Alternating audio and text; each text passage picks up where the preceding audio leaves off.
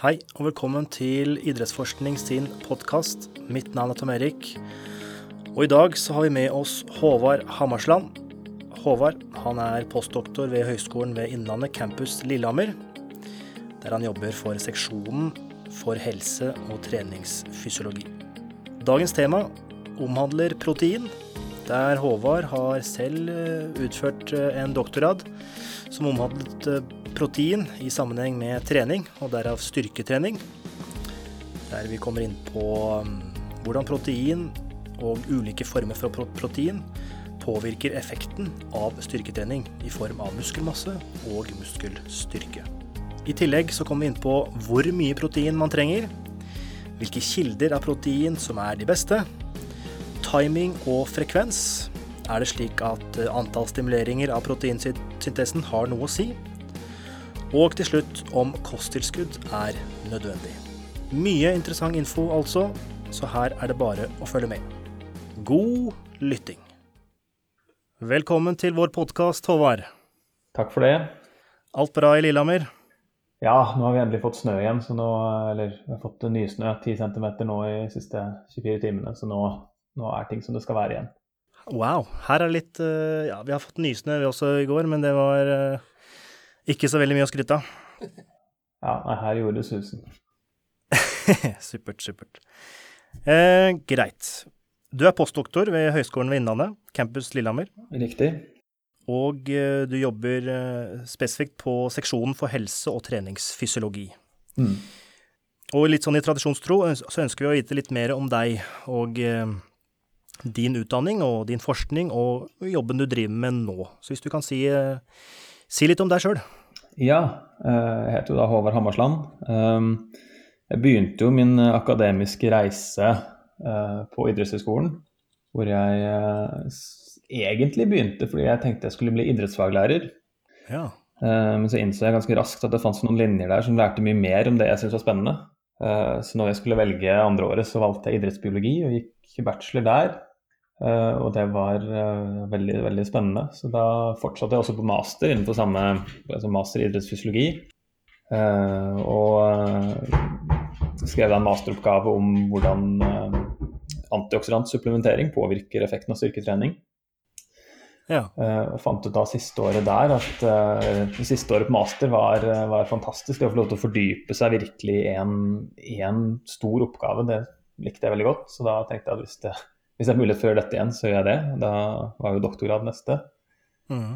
Jeg måtte vente noen år før jeg fikk muligheten. Det var to år nesten. var jeg VITAS, eller vitenskapelig assistent, på, i laben på idrettshøyskolen før jeg fikk muligheten til å ta, gå løs på doktorgraden. Hvor jeg da skrev om proteinsupplementering og styrketrening både hos yngre, men også hos eldre over 70 år.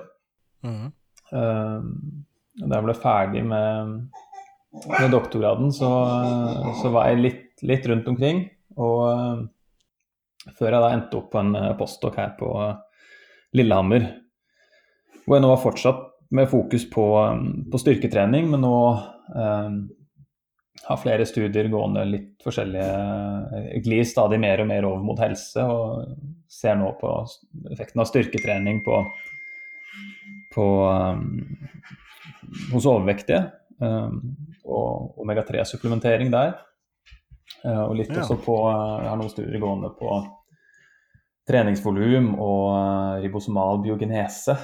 Eh, og, og, og faktisk også crossover-effekten, hvis dere har hørt om den. Ja. Hvor, hvor trening av ett bein f.eks. skal gi en effekt i styrke på det beinet som ikke blir trent. Så her har jeg virkelig fått lov til å slå meg løs og sette i gang mye spennende. Ok, wow.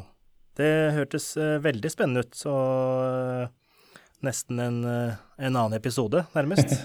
ja, det er Vi kunne jo nærmest hatt en episode om hver av de, hvert av de temaene der. Ja, ikke sant. Men litt tilbake til doktorgraden din, som omhandlet dette som du nevnte, protein og styrketrening både for yngre og eldre mennesker. kan du fortelle litt om hva dette her dreide seg om? Ja, Eh, det har jo vært mye fokus på protein, og det er et stort fokus på å optimalisere effekten av styrketrening. Eh, både i idrettslig sammenheng og eh, hos folk som f.eks. eldre som lider av sarkopeni, som er aldersrelatert muskeltap.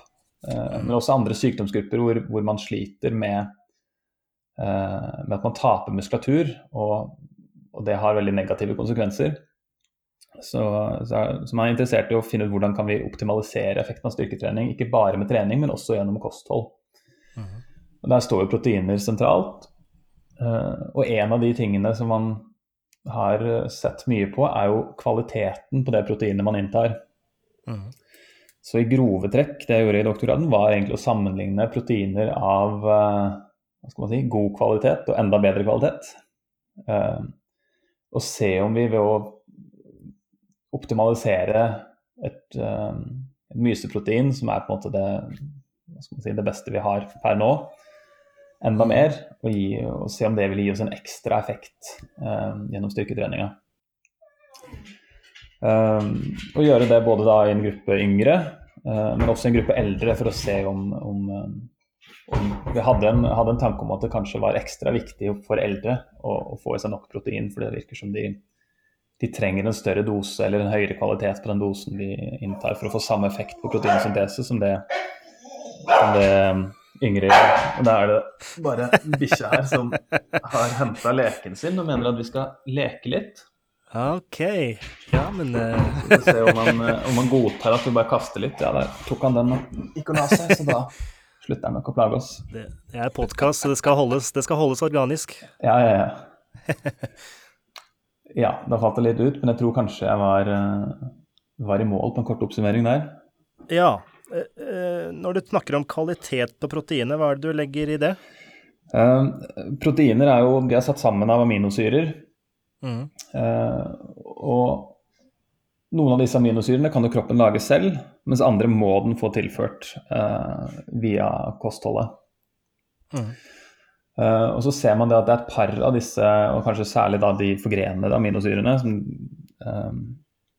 eller kalles forgrenede aminosyrer, som i stor grad er ansvarlige for den stimulerende effekten protein har på proteinsyntesen i muskulatur. Mm. Så et protein med høy kvalitet, det, det kan man si det tas um, ja, ja, Primært så er det at det inneholder mye av disse aminosyrene som setter i gang denne proteinsynteseresponsen i muskulatur. Mm. Hvilke spesifikke aminosyrer snakker om da? Er det da lausin og uh, med flere? Ja, lausin med flere, hva er det der? Det er um, valin og isolausin er vel de to andre som tilhører den forgrenede ja. aminosyrene. Uh, ofte, ofte, tilsatt populære energidrinker, slik jeg har observert iallfall. Ja, riktig. Mm. Uh, så da varierer jo ulike proteiner med altså hvor mye de inneholder av disse forskjellige aminosyrene. Um, og de som inneholder mye, f.eks. lausin, så ut, da trenger du en mindre mengde protein for å gi samme proteinsynteserespons. Ok. Um, ja. ja. Men uh, er det ikke et par studier som også viser at dersom du øker lausinnivået isolert, så gir det ikke noe ekstra effekt, eller? Eh, fordi, i hvert fall slik jeg har forstått aminosyrer og lausinets eh, samarbeid med resten av aminosyrefamilien, holdt på å si, eh, så må det Lausinet er på en måte en slags igangsetter eller Kickstarter, ja. kickstarter en general ja. som styrer de andre. Og at ja. uh, kun generalen holder ikke, du må ha disse arbeiderne i tillegg. Ja, så du kan, godt, du kan godt få en liten spike i proteinsyntesen, men den vedvarer ikke hvis du ikke eh, har med andre aminosyrer som også kan bygges inn. Så det er riktig. Så det, det å supplementere med lausin alene mm. ser ikke ut til å være, være det optimale. Det må være en, en, et eh, kompleks av flere aminosyrer. Mm. Det, er det, er vel også det som er litt av kritikken til eh, kosttilskuddet BCAA. Ja. Som Jeg vet ikke om du har noen tanker rundt akkurat eh, det? Ja, nei, det ser ikke ut at det å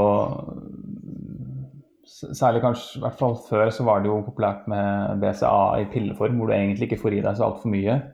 Mm. Og du får i deg bare noe av det du trenger. Eh, så hvis man først skal ta et proteintilskudd, så kan man liksom gjerne ta et fullverdig og komplett proteintilskudd som inneholder alle aminosyrene man trenger. Mm, mm. Eh, greit. Litt tilbake til doktorgraden din. Så hadde jo du tre, eh, tre eh, hovedgrupper av protein. Det ene var vanlig melk. Eh, og så var det noe som heter eh, native way. Og whey-protein uh, Husker jeg ikke helt. VPC80. Konsentrat, det var det. Eh, kan du gi noen detaljer på hvordan de ulike effektene var mellom disse tre? Ja, der, eh, der, gjorde vi jo to forskjellige typer studier. Så vi hadde, vi hadde det som vi kaller for akuttstudier, hvor vi, um, hvor vi ser på effekten et, rett etter styrketreningsøkta. Over, altså, ja, etter økta til fem timer etter økta. Og så så vi også på effekten over tolv uker med styrketrening. Uh, og de akutte effektene er jo veldig interessante for å klare å forklare hva det er som skjer i muskulaturen. Men det som teller, er jo effekten over tid. Um, men det er mye enklere å måle ting bare over fem timer, og så er man ferdig. Um, I de akutte studiene så fant vi at i hvert fall den native mysen det, Hovedforskjellen mellom den og VPC80 er jo at den mm. inneholder mye mer, eller en del mer lausin. Mm, mm. Og den klarte å stimulere proteinsyntesen i større grad enn melk. Um, både hos yngre og eldre. Um, mens det ikke var noen forskjell mellom VPC80 og nativ myse, eller VPC80 og melk. Men dette er jo da målt bare de fem første timene. Ikke sant. For en av, en av de andre forskjellene mellom myseproteinene, da, som, som VPC80 og nativ myse er, og melk, er at melk hovedsakelig er kasein som brytes ned mye tregere i magen. Så frigjøringen av aminosyrene fra magesekken går mye saktere hvis du inntar melk. Uh, og det er mange ting som tyder på at uh, hvis vi hadde kanskje målt over en lengre periode enn fem timer, så kan det hende at melk hadde tatt igjen at arealet under kurven for proteinsyntesen hadde vært ganske lik mellom gruppene. Sånn at det, men i de fem første timene så var, var nativ myse bedre enn melk. Og Det syntes vi var interessant og spennende. Så når vi da gikk videre og gjorde en en eh, treningsstudie, så kutta vi ut VPS80-gruppa. Vi hadde ikke kapasitet til å trene mange nok til å ha alle tre gruppene. Mm. Uh, og så sammenligna vi melk og, eh, og, nativ myse. Men når vi da gjorde det over tolv uker med trening, så fant vi ingen forskjell. Mm. Uh, forskjell på i, i, muskelvekst og muskelstyrke. Det er Riktig. Ja, viktig å få med. Så selv om vi ser en akutt forskjell, eh, så er det ikke gitt at den gjør seg gjeldende over tid. Og hva, eh, Hvilken tid er det de snakker om her? Hvor lenge, hvor lenge var denne treningsintervensjonen? Intervensjonen tolv uker hos eh, yngre, så var den vel elleve uker hos de eldre.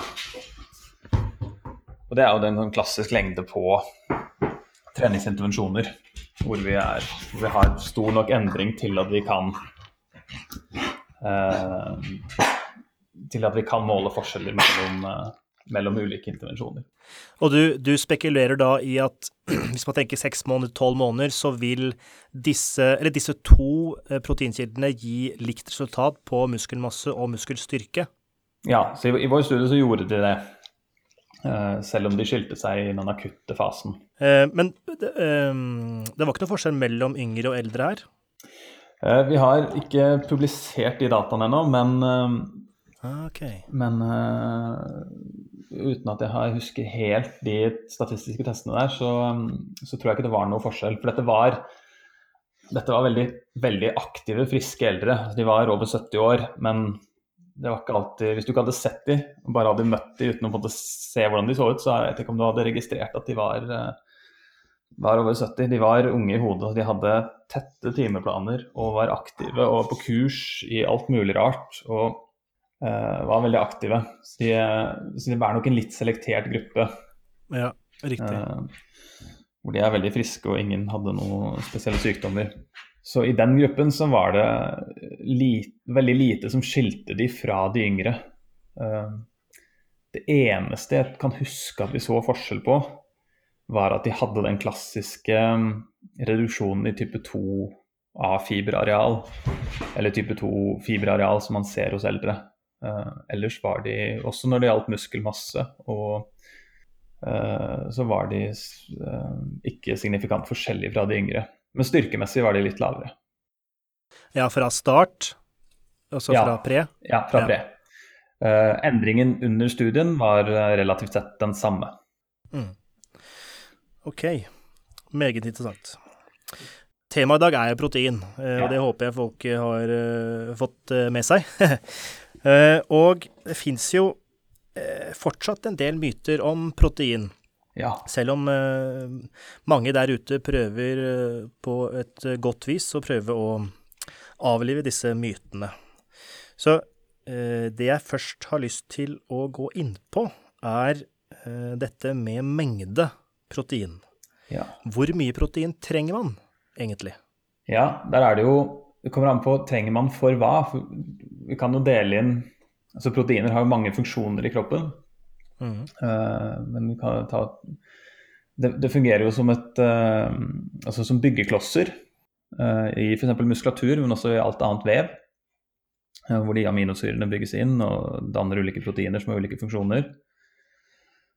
Og for å opprettholde den funksjonen så trengs det ikke så all verdens med protein fordi F.eks. hvis du tar muskulatur. eh, når proteiner der brytes ned, så resirkuleres omtrent 80% av de aminosyrene tilbake inn i muskulaturen igjen. Så den er ganske flink til å holde på det proteinet den har. Uh, så i den sammenhengen så er ikke behovet så stort. Ja. Men så har jo protein en stimulerende effekt på proteinsyntesen i tillegg. Og der ser det ut til at man trenger et eller annet sted mellom 20-30 gram kanskje for å få en maksimal stimulering av proteinsyntesen. Mm.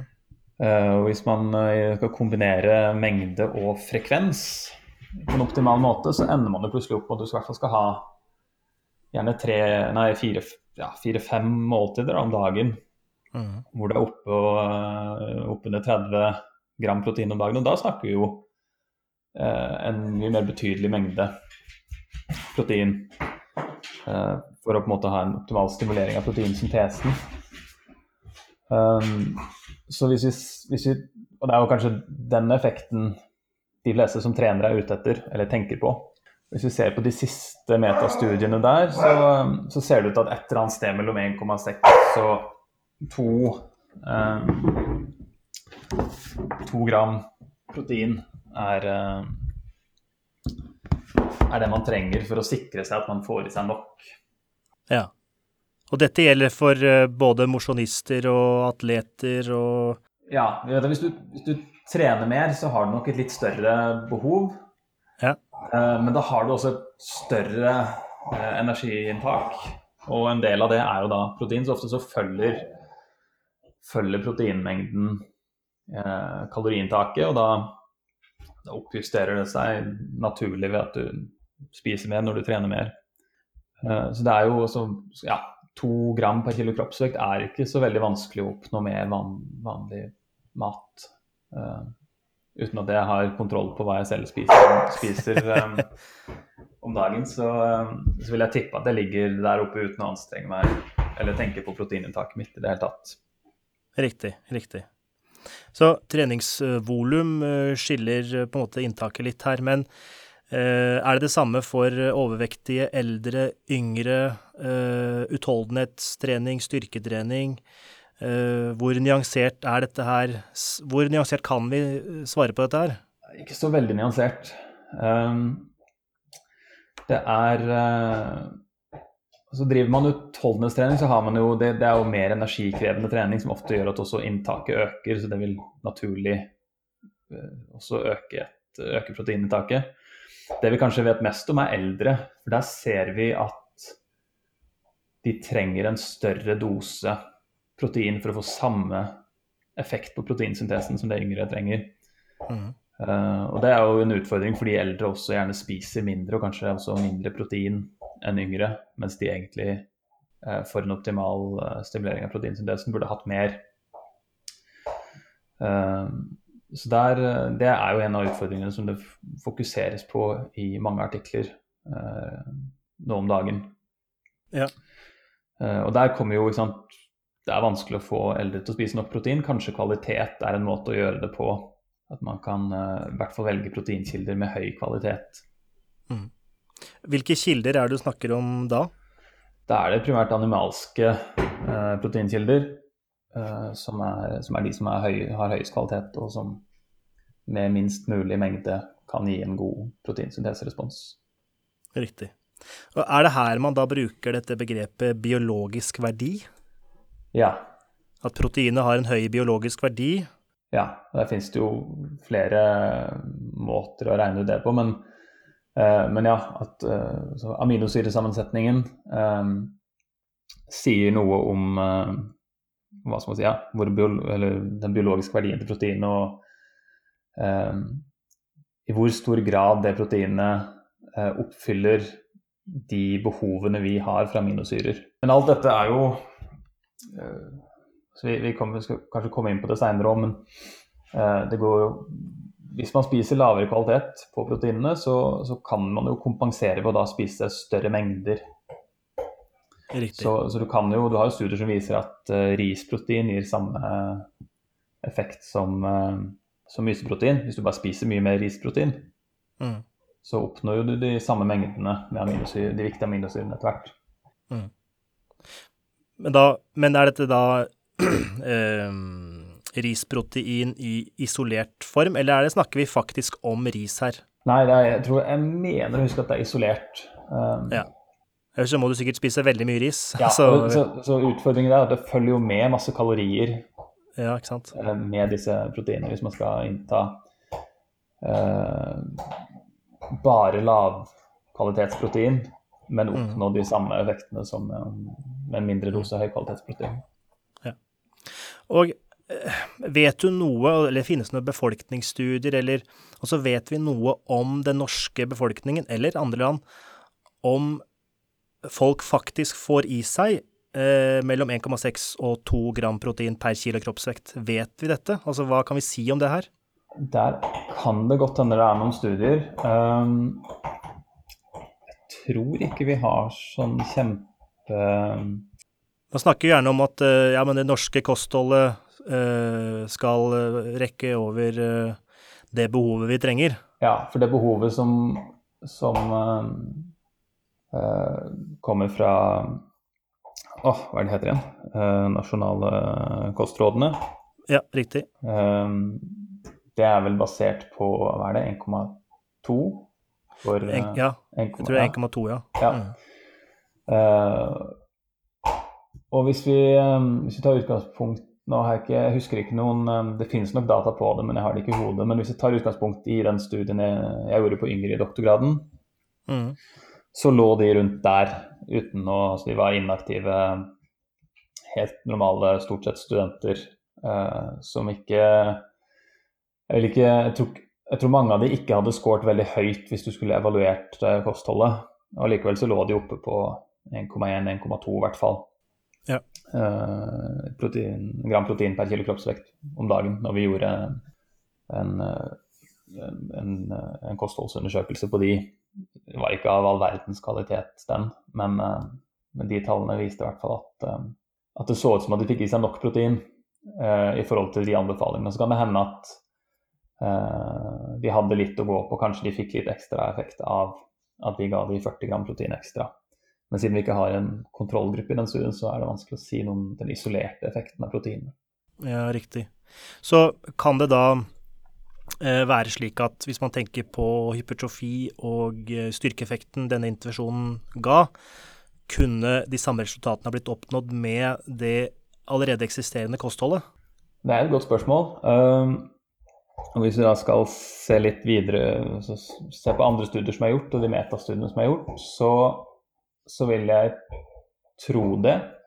Um, for det er, det er litt, litt, art, litt, merkelig i synes jeg, i hvert fall den siste metastudien som er gjort. For da konkluderer de med at de som i utgangspunktet er utrent, har lite å hente på å ta ekstra protein. Uh, de som er eldre, har lite å hente på ekstra proteinsupplementering. Mm. Uh, mens de som har størst effekt, er de som allerede er trente. Eh, men her igjen møter vi jo en stor utfordring i at det er så mange faktorer i hver av disse studiene som er satt sammen i denne metastudien, mm. eh, som kan påvirke resultatet. F.eks. mistenker jeg at studier gjort på eldre har trent snillere enn eh, studier gjort på folk som allerede er trente. Ja, ikke sant. Eh, det er et helt annet treningsregime, mens her i en, i en metastudie så blir jo da bare treningen De later som at trening er en faktor. Men den kan jo skille seg altså kan, I noen studier så er det trening med strikk omtrent. Mens andre studier så er det fem dager i uka med tungstyrketrening. Så det, det er med på å kunne forskyve uten at jeg vet at det gjør det sikkert, eh, resultatene i sånne type metastudier. Eh, så, så, det gjør det vanskelig å, å si ting sikkert. Eh, og Det samme gjelder også kanskje studier på utrente. De, de trener kanskje sjeldnere i de studiene, og de, kanskje de også trener mindre treningsvolum eller ikke, uten at jeg har sjekka det. Så det er uh, vans vanskelig å si. Uh, protein trenger man i hvert fall, det ja, er helt sikkert. Protein trenger man, men har man nok, så er det nok ikke noe å hente på å innta mer.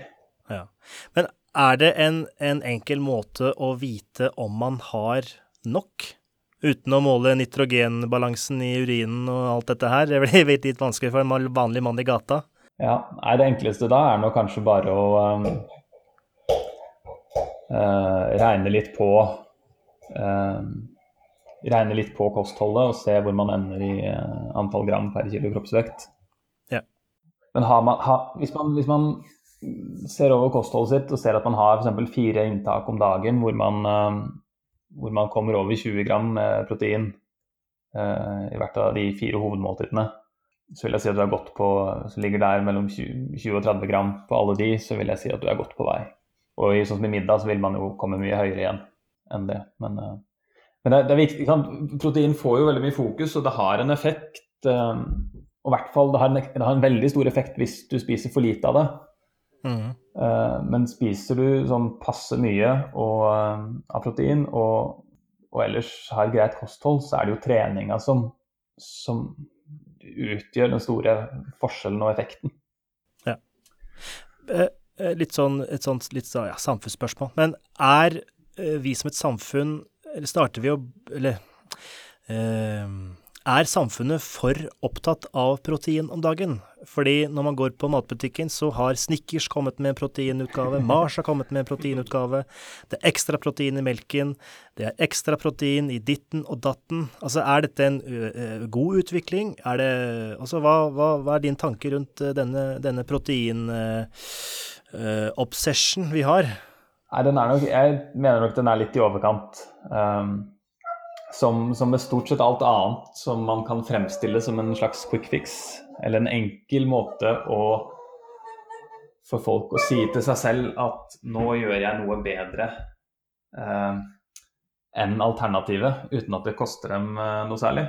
Mm. Eh, det, det, selger jo veldig bra. Men eh, det er, ikke, det, er ikke, det, er ikke, der problemet ligger eh, sånn helsemessig i Norge i dag. Det er jo aktivitetsnivå. Eh, ikke sant som er uh, utfordringen der. Men det er mer slitsomt enn å bare kjøpe en, uh, et alternativ med mer protein i. Men tenker du at um, Altså fins det noen proteinkilder der ute, eller ikke proteinkilder, men uh, kilder som har blitt tilsatt ekstra protein, som du anser som Å, oh, wow, dette var en god, god idé?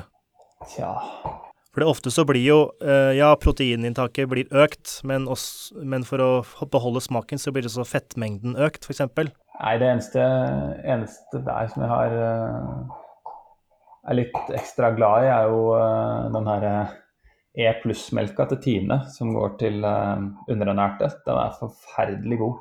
Ja, for den har jeg drikket en gang i Oslo, og jeg trodde jeg kjøpte vanlig Litago, og ja. gikk på en skikkelig smell der. fordi det, det, var to slurker, så var jeg ganske mett, og jeg skulle ja. i tillegg spise etterpå, så ja, det, er, det er som å drikke dumle. Altså, det, det, er så godt de to-tre første slurkene, og så er du kvalm. Men er det noe som brukes eh, Ja, du nevner underernærte, men snakker vi da eh, om eldre da, eller snakker vi også uh, uavhengig alder? Mest bruk, eller brukes en god del inn mot eldre, eh, men jeg tror også den uh, brukes på sykehus i noen sammenhenger der. Der det kan være vanskelig å få i seg fast føde, ja. Ja, så, men, men sånn generelt så kommer jeg ikke på noe Det er jo ikke noe jeg følger så mye med på heller, men altså matvarer hvor det er tilsatt protein. Jeg tenkte at ja, den matvaren der, den trengte mer protein. Uh, det, så spiser du en snickers, så spiser du ikke den for å få i deg protein. Du spiser snickers og har lyst på noe godt. Ikke sant.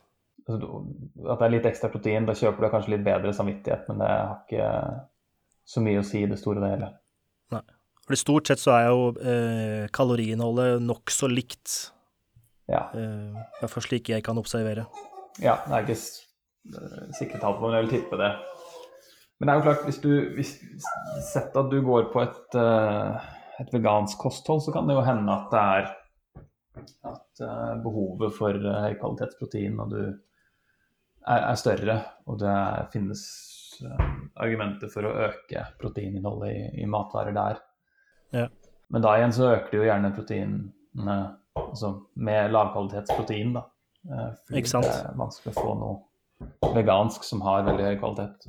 Og der er du inne på noe veldig interessant, fordi eh, nylig så ble det jo stoppet sluppet en Eller ikke nylig, kanskje, det er litt gammelt nå, men dokumentaren The Game Changers handler jo om veganere og eh, at dette gir en økt eh, prestasjon å ha et vegansk kosthold. Og der nevner de ofte, eller nevner de protein som en eh, eh som de, At det ikke er noen utfordring å få i seg nok protein med et vegansk kosthold. Eh, du, før vi startet her, så nevnte du at du hadde sett dokumentaren. Hva er dine tanker rundt denne dokumentaren? Ja, den, den er jo eh, Den er utrolig altså Det første jeg tenkte på når jeg så den, var at den er utrolig bra lagd. Altså den ja. sånn visuelt og altså den er så, så Det ser utrolig bra ut og, og, virker veldig overbevisende. Og de kan jo liste opp med folk som har ulike altså doktorer i hytte og pine. Men i forhold til å, å oppnå eller å, at man enkelt kan kompensere for, uh, for den tapte kvaliteten av uh, protein hvis du har et vegansk kosthold, så vil jeg si at det, det er ikke nødvendigvis så enkelt. Um, det er nok mulig å, å ha et OK proteininntak som veganer, men da må du ha litt peiling og kombinere matvarer på riktig måte. For det finnes jo uh, si, veganske eller plantebaserte matvarer som, uh, som inneholder f.eks. mye av noen av de essensielle aminosyrene. Og så hvis du kombinerer den med andre matvarer som, uh, som inneholder mye av de andre, så kan måte, kombinasjonen ta deg et steg videre. Men, men det er mye enklere med, med, animalske produkter. Ja, for du får en her, mer helhetlig kvalitet på proteinet av en enkeltvare? Ja. Hvis du da er flink til å vite hva innholdet i de ulike veganske produktene, spesielt da på protein, eller mm. da aminosyrer, så kan det gi eh, samme effekt. Er det slik å forstå? Ja, i hvert fall uh, nærliggende effekt. Um, så, uh, så, det er nok mulig, men det er, uh, det er ikke sånn som det blir fremstilt i The Game Changers. Det, det er det ikke. Og ofte så må du litt opp på mengde. Altså du må du må spise en større mengde mat, og det har jo andre konsekvenser som kan følge med at det blir mer, flere kalorier og, og, andre ting. Så det er, det, er, det er, nok en utfordring. Så man skal tenke litt, e, eventuelt lære, så, kunne en del, eller snakke med noen som kan en del, vil jeg si, før man uh, bare hiver seg på en sånn trend og ikke, uten å kunne noe, så er det fort gjort å ende opp med for lite av noe. Så vegansk er jo veldig hva skal jeg si, det er en ganske streng diett. Eh, men jeg skjønner jo hvorfor kanskje mange gjør det med tanke på klima. Eh, men hvis man da går over til et vegetariansk kosthold der man kan spise både ost og egg, så er det vel en bedre inngang til et eh, plantebasert, ikke-kjøtt kosthold. Ja, det, er, det, gjør det betydelig mye enklere hvis man kan supplementere eller ta med ost og egg. Og, eller hvis man også for har med fisk så er det fine, fine proteinkilder. Da er det lett, og da, da, er ikke det med proteinkvalitet eh, et argument lenger, syns jeg. Eh, da kan man fint, eh, fint få i seg nok protein med høy kvalitet. Vi beveger oss litt videre til dette med frekvens. Vi har snakka litt om antall måltider per, per dag, der du snakker litt om 20-30 gram protein per måltid. og hvis du da veier eh, ja, 100 kilo, og du ligger i 30 grams sikte, så tilsvarer det 150 gram. Og at det skal være eh, nokså nok et godt inntak, i hvert fall for eh, mosjonisten. Eh, men hvis man da kun har to måltider og skal få i seg samme antall gram, 150, er det samme effekt å spise da to måltider på 75 gram protein som eh, fem måltider med 30 gram protein? Eh, sannsynligvis ikke. Der er det gjort eh, kom på hvert fall én studie som, som testa ut dette her. De prøvde seg på eh, De hadde vel Jeg er ikke sikker jeg husker tallene riktig, men jeg mener det var fire inntak av 20 gram mm. eh, over en tolvtimersperiode.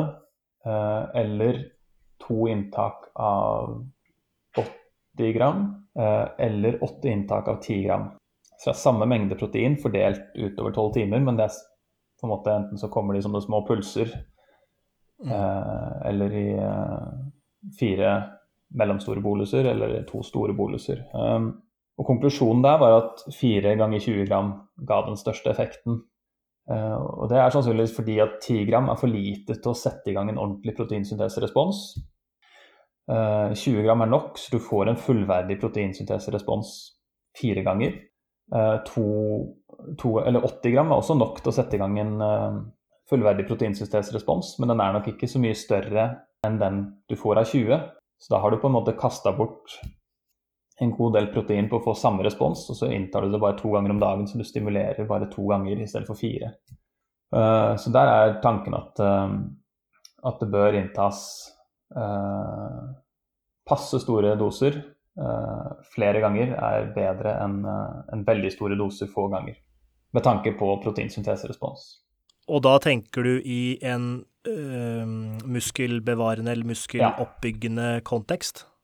Så da blander vi da, for Det er viktig å skylde på altså, da, Det er ikke snakk om f.eks. helse her. Det er ikke Jeg vet ikke om jeg har noe Altså hvordan dette vil påvirke f.eks. helsen. Det er jo inn med eller vært inne en liten stund om en sånn periodisk fast og den type ting.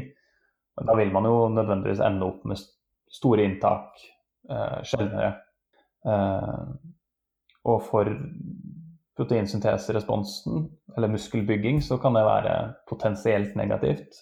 Eh, uten at jeg tror det har så veldig stor effekt. Eh, mens for helse så kanskje det har andre effekter, uten at jeg tror de er så, så store som de skryter på seg. Det er eh, de som driver med det. For det er vel hvis jeg husker riktig fra et par studier, det er vel sånn at hvis man skal ned i vekt, så har det ikke så veldig mye å si hvor mange måltider man inntar. Men skal man bygge muskler og bevare muskelmasse, så er det lettere med der du stimulerer proteinsyntesen oftere. Ja, og, og man har jo La oss si at du f.eks. du trener en økt. Man trodde jo før at her er det en annen myte som vi jeg vet ikke om du har den på lista eller ikke, men Timing, regner jeg med? Ja, ikke sant. At du når du skal spise protein en halvtime etter økta eller en time etter økta. Hvis ikke så har ikke økta noe effekt. Jeg kjenner til det som student. Husker det. ja. ja. Um, og det, studier viser jo at det vinduet det er, det er, jo mye, mye større. Mm. Um, uh, og det Man kan på en måte tenke at det treningen gjør uh, Hvis du bare trener og ikke spiser etterpå, så ender du ikke opp i en positiv uh, proteinbalanse. Fordi du, du øker proteinsyntesen, men du øker også nedbrytningen tilsvarende. Eh, men det er først når du legger til protein eh, i et måltid, eh, at du får den positive proteinsyntesen, eller proteinbalansen, som fører til muskelvekst over tid hvis det repeteres ofte nok. Så du kan på en måte tenke at trening, det trening egentlig gjør, er å potensiere effekten av proteininntaket ditt. Ja. Sånn at hvis jeg f.eks. trener i dag, så vil eh, resten av måltidene den dagen her, og f.eks. frokosten i morgen, mm. ha en litt større anabol effekt enn det ville gjort hvis jeg ikke hadde trent. Og det vinduet er i hvert fall 24 timer, uh, ser det ut som. Ja. Men, og dette er litt uh, kunstig kanskje, men hvis du da trener, og så har du da en gruppe som inntar uh, næring, den næring man trenger etter en halvtime etter trening, og så har du en gruppe til som inntar 24 timer etterpå. Eller la oss si 16, da, eller 20, eller at de må nærmest faste. Ja er det slik da at effekten blir den samme? Eh, sannsynligvis så, så, er det nok et fall i hvor responsiv eh, muskulaturen er på det proteininntaket. Riktig. Eh, så, det, så, på 16 timer så kan det godt hende at litt, altså effekten er noe lavere enn eh, rett etter eller fem timer etter.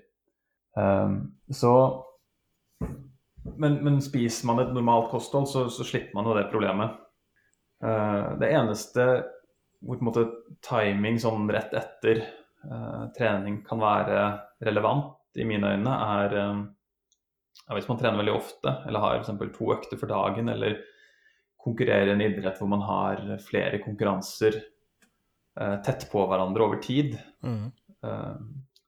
for da er det jo viktig å få satt i gang restitusjonen så raskt som mulig for å være for du, restituerer jo sannsynligvis ikke tilbake igjen til 100 til neste økt eller neste konkurranse.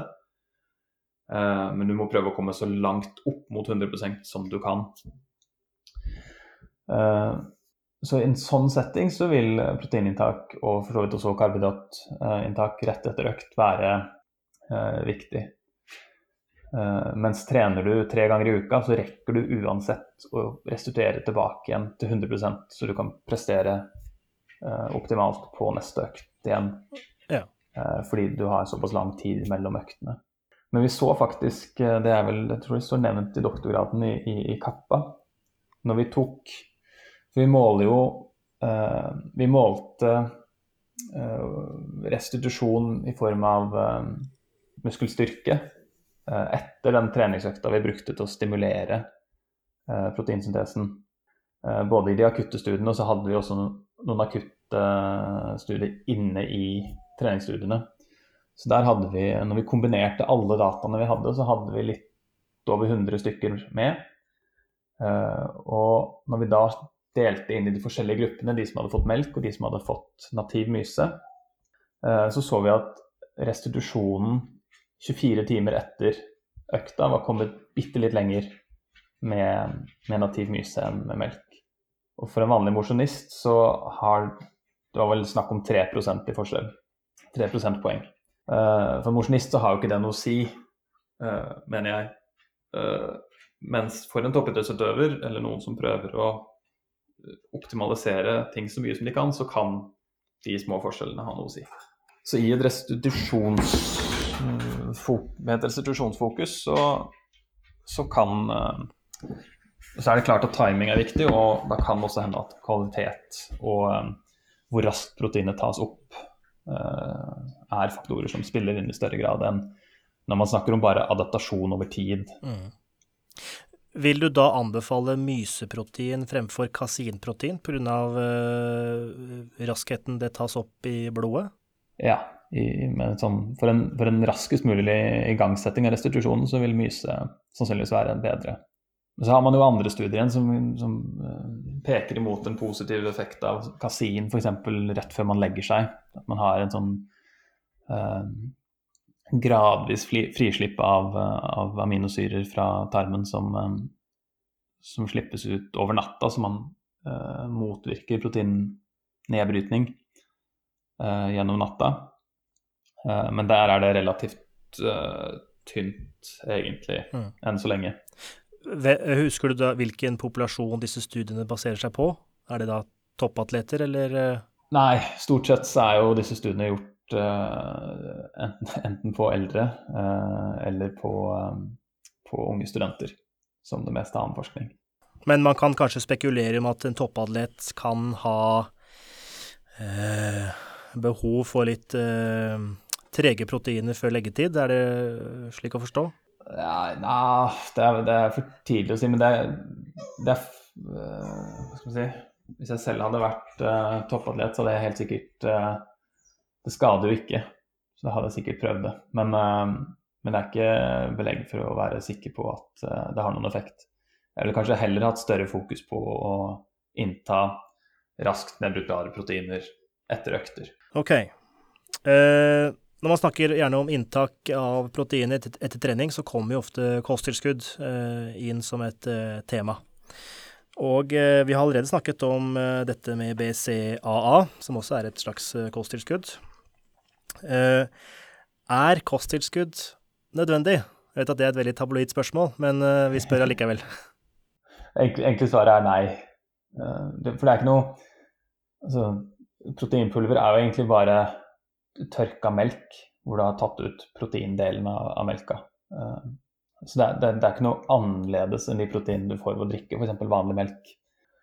Så det har ikke noen magisk effekt eller noe bedre effekt enn vanlig mat, så du kan få til akkurat det samme med vanlig mat. Uh, og hvis du i utgangspunktet inntar nok protein, så er det ikke noe å hente på å innta mer. Så det er jo den klassiske, den gylne middelvei. Altså nok er nok, uh, og, og, mer enn nok hjelper ikke noe mer. Uh, men på den annen side så er jo det å ha muligheten til å bare ta seg en shake um, Enten når man ikke om man av en eller annen grunn ikke skulle ha tid til å spise, uh, eller man syns det er det enkleste å gjøre rett etter en økt, og så går det et par timer før man spiser et måltid, uh, så er det ikke noe nødvendigvis galt i det heller. Uh, men da handler det om convenience, altså hva som er enklest å bare altså, løse hverdagen i greiest mulig. Men sånn effekt på trening, så, så er det ingen forskjell på om du tar deg et par brødskiver med noe kjøttpålegg og litt melk, eller om du tar en shake. Så, så lenge eh, variasjonen i proteinkildene er gode nok, slik at du oppnår en slags god kvalitetsprotein, eh, eller ansamling av de viktigste aminosyrene i dette måltidet, så er det det som er det gjeldende? Ja, hvis du, hvis du har en, en, stor nok kilde med animalske proteiner, så, så er du dekt. Fordi ofte blir jo denne debatten her Jeg syns den blir veldig svart-hvitt. fordi på den ene siden så står man øh, der man står og sier at nei, du trenger protein, for det, det ja, en avisartikkel for eh, fem, seks, sju år siden så sto det at proteinpulver førte til doping. Eh, at det var en inngangsbillett til det. ja. eh, også på andre ja. siden så har du disse litt blow bro science-gutta, beklager gutta, men jeg nevner sier gutta, som, eh, som må ha proteinpulver for å bygge muskler. Uten det så går det ikke. Da vil du være spinkel og, og tynn resten av livet ditt. Du må ha pulver. Så jeg syns den debatten om proteinpulver, eller kosttilskudd, da, blir veldig lite nyansert. Ja, uh, og det er jeg helt enig i. Jeg, fikk jo merke det litt da vi på en måte doktorgraden ble publisert. For da skriver man jo sammen et, et kort, uh, en kort oppsummering som også publiser, ble publisert på NIH sine nettsider. Uh, der var vi kanskje litt Da var det den ble skrevet rett før jeg skulle ha disputasen. Eh, så jeg så veldig lite gjennom den selv. Det var en, en eh, jeg tror det var en frilansjournalist som skrev en sånn kjapp oppsummering som kanskje var i overkant populistisk, eh, og prøvde å på en måte lage noe, dette noe større enn det kanskje var. Og da fikk jeg, jeg fikk, jeg fikk erfare hvor mye hvor viktig denne proteindebatten er for mange. Altså hvor mange meldinger man får på Facebook og, eh, og meninger og folk som enten elsker eller hater det du har gjort. Um, mens du selv har prøvd å på en måte bare si at nei, det er jo egentlig helt det samme. Og det er jo egentlig, Da handler det jo mest altså da, da, hater jo alle deg. Men hva, hva, er det de Altså, du fikk gode og dårlige meldinger, men hva er det disse meldingene da dreier seg om? Nei, det er uh, Det var en del, uh, for så vidt, uh, vil jeg si, legitim kritikk av hvordan det var skrevet i den avisartikkelen på, på nettsiden til NIH. For det var ikke klart f.eks. hvor mye vi hadde det, Måten det ble fremstilt på, var vel at melk har samme effekt som proteinpulver. og vi hadde jo matcha for mengde protein. Så den proteinmengden vi ga, tilsvarte jo 6, ja, nesten 6,5 uh, desiliter med melk. Som er ganske mye melk, men det ble fremstilt som å ta to glass drikk to glass melk etter trening, så er det samme effekt som å ta en shake. Uh, så det, det, kan jo ta, for så vidt ta selvkritikk på. Den, uh, men også det å på en måte uh, Folk som da mener at altså, enten at Eh, vi burde blitt uh, omtrent arrestert for å ha gitt folk melkeprotein uh, i en studie, fordi melkeprotein er uh, styggedommen selv og fører til kreft og alt mulig rart. Oi, såpass? Mens andre som da mener at hvis du tar og snakker med gunsa til bjørn, så skjønner du at, at proteinpulver, det er tingen. Det, det, er alt der imellom. Du har, du har, ja, du har disse også. Ja, nei, det, var, det, kom, det, kom, fra begge kanter. men det er kanskje ja, sånn det er når man og, men, det, det, er fascinerende hvor, hvor, dypt det her stikker hos mange. Og hvor viktig det er med dette proteinet, enten i den ene eller andre retningen. Da jeg jobba på videregående som idrettslærer og under faget treningslære, så pleide jeg å ja, prøvde å få elevene til å reflektere da, over dette med kosttilskudd. Og så stilte jeg da, prøvde å få dem til å nyansere dette her. Uh, og uh, dette var VG3. Uh, Eh, hva er som er forskjellen mellom O'boy og proteinpulver? Der eh, proteinpulver er jo da konsentrert protein, og O'boy er egentlig bare konsentrert sukker eller karbohydrater. Uh, og det er jo, hvis man vinkler det, så får man et slags sånn Hva skal jeg si Et ikke, Litt ufarliggjøre uh, ufarliggjøre dette med kosttilskudd. Jeg mener jo ikke at folk skal drive med det, men hvis du er moden og uh, klar oppi huet, så er det ikke noe i veien for å uh, kjøpe seg en Yt eller ha en bøtte med proteiner hjemme, eller hva det måtte være. Altså det, jeg, jeg, ser ikke jeg, hvorfor motstanden er så stor. Nei, det, det gjør ikke jeg heller, men det tror jeg handler om uvitenhet. Um, og at folk kanskje ser for seg at dette er, det er noe syntetisk framstilte, skumle greier. Eh, eh, men hvis, hvis, folk hadde skjønt at dette er egentlig bare tørrmelk, eh, så altså jeg, jeg, vil jo si at altså, Jeg vet ikke om, om, man er kanskje mer positiv til f.eks. å ta vitaminpiller eller mineralpiller, men det er jo Uh, hvis jeg skulle rangert de etter hva som er uh, størst risiko sånn helsemessig, så er det jo å overdosere på vitaminer. Ja, ja ikke sant. Ja. Protein er ikke det, det, skal mye til. Og folk, eller TV-en promoterer jo tran ofte, og det er jo også et kosttilskudd, hvis man skal definere det ja, ja. likt. Abs absolutt. Og risikoen for å få en uh, overdosering av uh, altså Hvis du har, drikker veldig mye tran, så får du jo sannsynligvis for mye en del fettløselige vitaminer som ja. uh, kan være negativt. Så, så det, ikke, det, det, stiller ikke noe Eller om noe, da, så vil jeg si at man må være mer forsiktig med tranbruken sin enn proteinpulverbruken sin. Så er det jo klart, altså du, du, kan jo sikkert klare å få tak i så hvis man Jeg vet ikke hvor man skal dra, men drar, på, drar til utlandet et eller annet sted på litt sånn luguber gym og kjøper et uh, uh, suspekt proteinpulver, så kan det godt hende at det er noe rart oppi der. Men har du, uh, du har jo en rekke trygge, gode proteinpulver som du får kjøpt her i Norge og i andre land som er ganske, ganske sikre at det er reine og ikke er produsert noe sted hvor, hvor det produseres andre ting. Mm. Da... Det er veldig viktig å påpeke. Uh, før vi starta, så sendte vi ut en Instagram-story, uh, og uh, spurte da følgerne om de hadde noen spørsmål til deg. Og det har det faktisk kommet inn nå, så I think it has anyway. Shall we play it? And then, oh, is it? Uh, yeah, oh, is it sound? Okay, try wanted, to play it then. I think the guy wanted to ask. Yeah. Hang on, we'll try it. Utrolig kult at dere kjører podkast, og jeg er ivrig lytter. Veldig mye bra dere kommer med. Jeg ser dere kjører Q&A, og jeg eh, har ikke plass til å legge inn eh, spørsmålet mitt. Og Det er ikke det at jeg lurer så fryktelig på det, men eh, jeg er interessert i å høre litt om hva deres tanker om proteininntak og metthetsfølelse er. Og da spesielt den påståtte metthetseffekten protein har over nivået for det som allerede er optimalt for muskelvekst.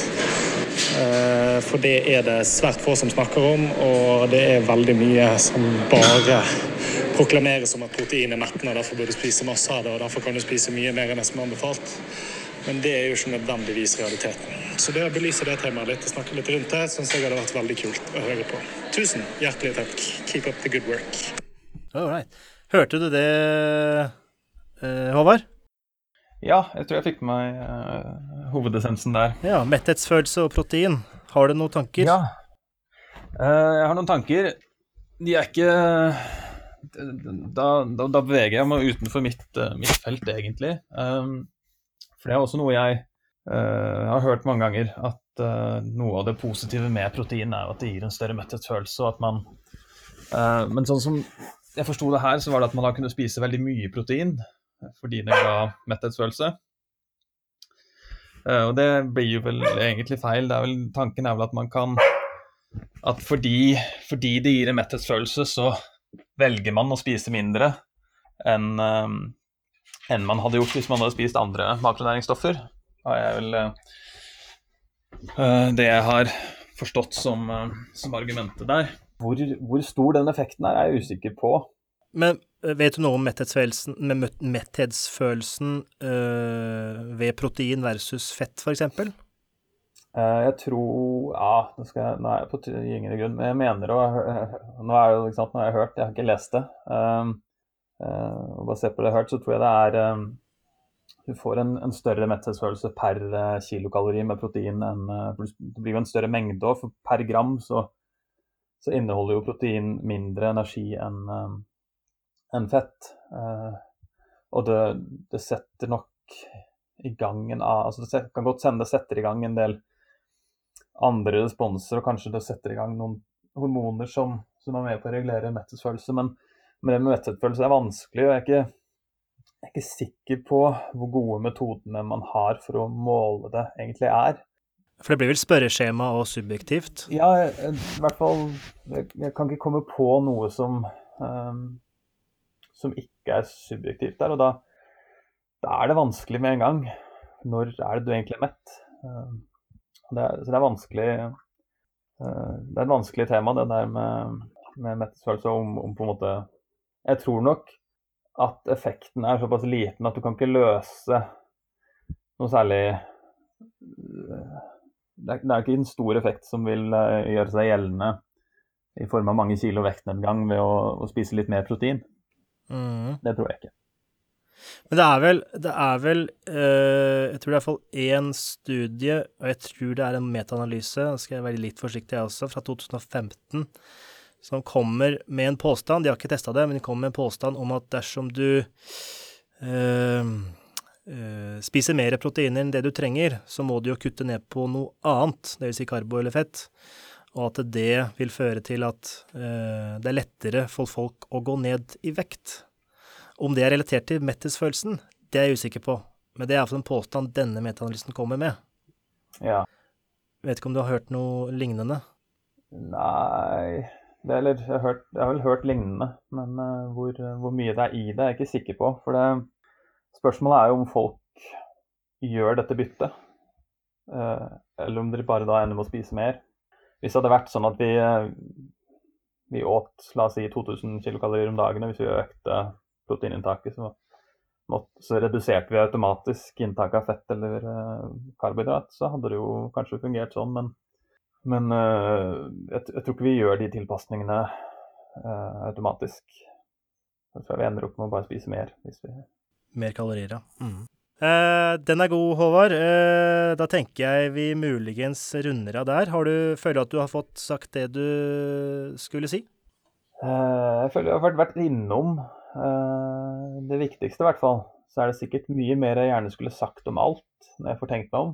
Eh, men det er vel eh, det er, vel, det er vel, både sjarmen og, og, og, ulempen med å, med å, ta ting sånn litt uh, uh, hva skal man si, uforberedt, sånn som man gjør på en podkast. Ja, ja. Og det, jeg tror nok eh, informasjonen du ga i dag er eh, tilstrekkelig for folk flest. Og de som vil dypdykke mer i eh, protein og proteinforskning, kan jo følge din forskning.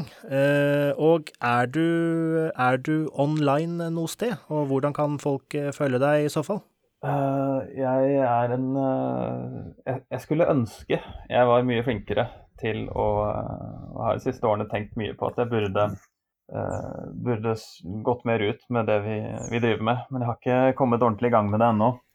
Nei. Så det er nok ikke så lett å, uh, å finne ut hva jeg holder på med, med mindre man tar direkte kontakt. Men det er jo det er lov. Ja, absolutt. Men du er vel ResearchGate er du jo på? Der er, der er jeg, det er sant. Så du finner meg på ResearchGate. Og der er jo mye av det jeg har gjort. Men stort sett alt jeg holder på med nå, har jo ikke kommet ut der ennå. Det er, det er mye, Riktig. mye annen moro som kommer. Det er jo det som er litt frustrerende med forskning, at det tar gjerne, tar gjerne mange år fra man gjør ting til det faktisk kommer ut. Det er jo fortsatt flere ting fra doktorgraden som ikke er, er publisert ennå. Ja, for det var noe Det er ikke alle artiklene i doktorgraden som er inkludert eller publisert på uh, Brage, disse nettsidene som Det er kanskje ikke, men, men alle er publisert uh, Ja, som artikler, ja. Ja. Så, riktig. så riktig. Er, alle som var i doktorgraden, er Det siste ble vel publisert i fjor sommer. Så, så de, de, kom seg endelig ut. Men, men det tar sin tid, ja. Det er en langtekkelig prosess.